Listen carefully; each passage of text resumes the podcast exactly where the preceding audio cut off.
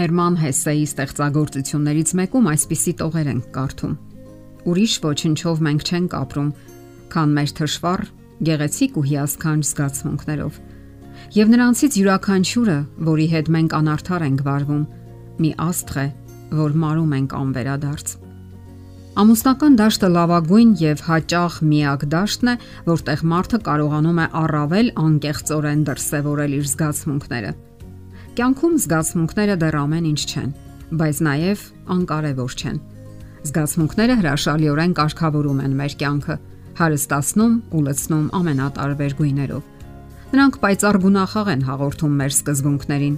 եւ երբեմն այնքան են տիրում մեզ, որ ընդունակ են իրենց ճանապարից սրբելու, քշելու ամեն ինչ, չնայած մեր ամենալավ ցանկություններին ու նկարտումներին։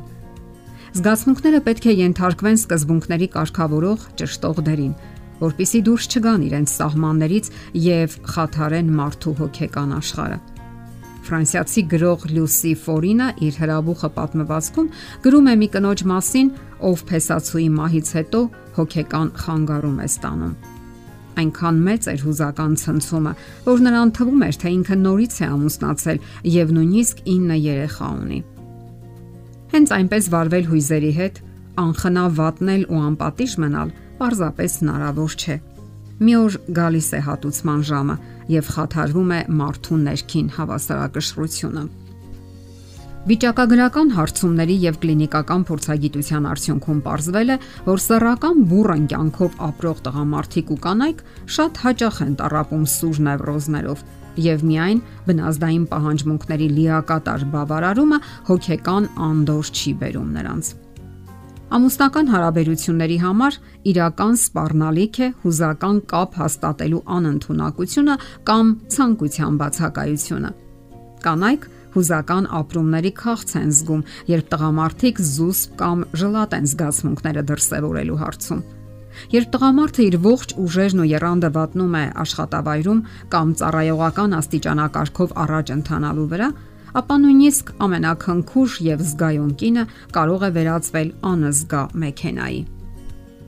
Դրամայրային լարված փոխհարաբերությունները հաճախ են ամլացնում մարդուն, զրկելով հուզական առողջությունից։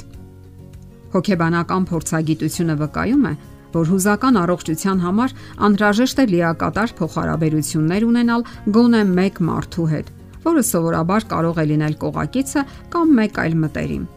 Նաև այս պատճառով է հսկայական լսարան հավաքում սերիալ երևույթը, որտեղ ներկայացվող մարդկային պղտոր հարաբերությունները միտում ունեն փոխարինելու իսկական կենթանի շփումներին։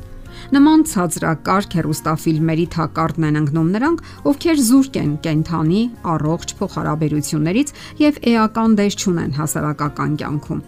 դա լիարժեք կյանքի նմանակումն է, երբ դիտելով այդ անվերջանալի անհեթեթությունները մարդկանց թվում է, թե իրենք իրական կյանքի դերակատարներն են։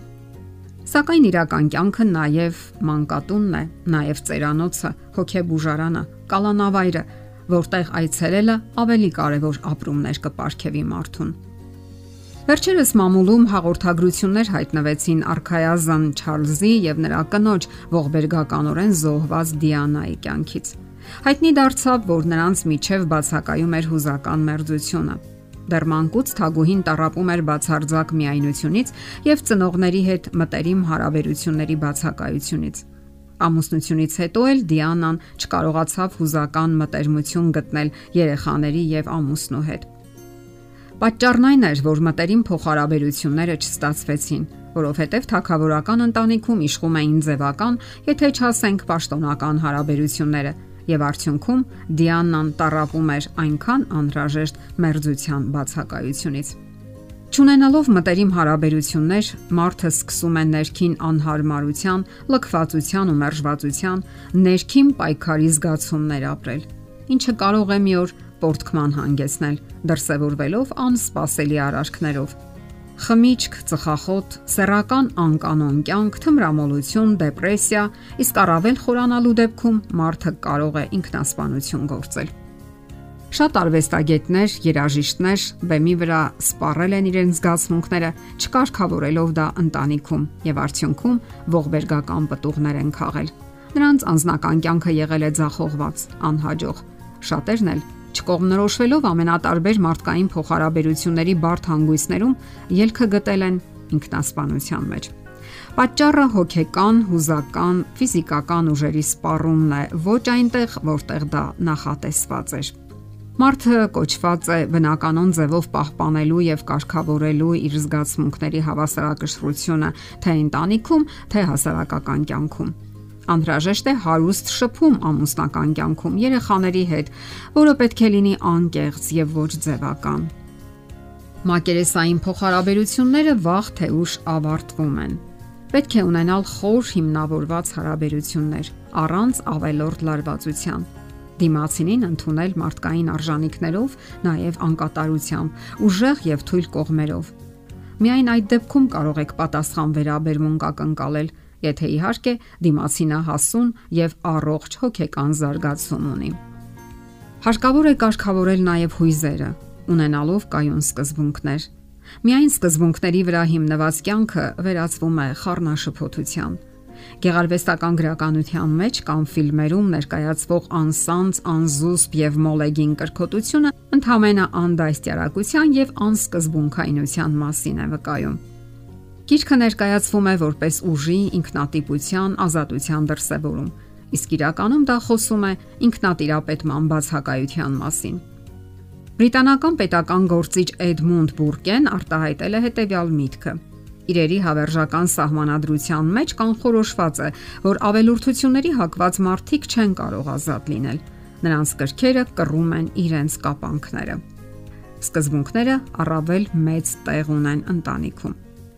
Կյանքում հաջողության կամ հաղթանակի հասնելու համար կարևոր են կամային որոշումները, իսկ ընտանեկան փոխհարաբերություններում առավել եւս։ Հիշենք, Աստված ոչ թե դիմում է մեր զգացմունքներին, այլ պայմանագիր է կնքում մեր կամքի հետ։ Պետք չէ հույզերը անխոհեմաբար վատնել, հարկավոր է դնել գիտակցականության ռելսերի վրա։ Ամուսնական ուխտի միությունը հատկապես այն խաղն է, որը որոշակի կանոններ է պահանջում եւ դրանք խախտելով վաղ թե ուշ ձախողելու եք խաղը։ Իսկ կանոնները պահպանելու դեպքում դուք միայն հաճույք կստանաք այդ խաղից։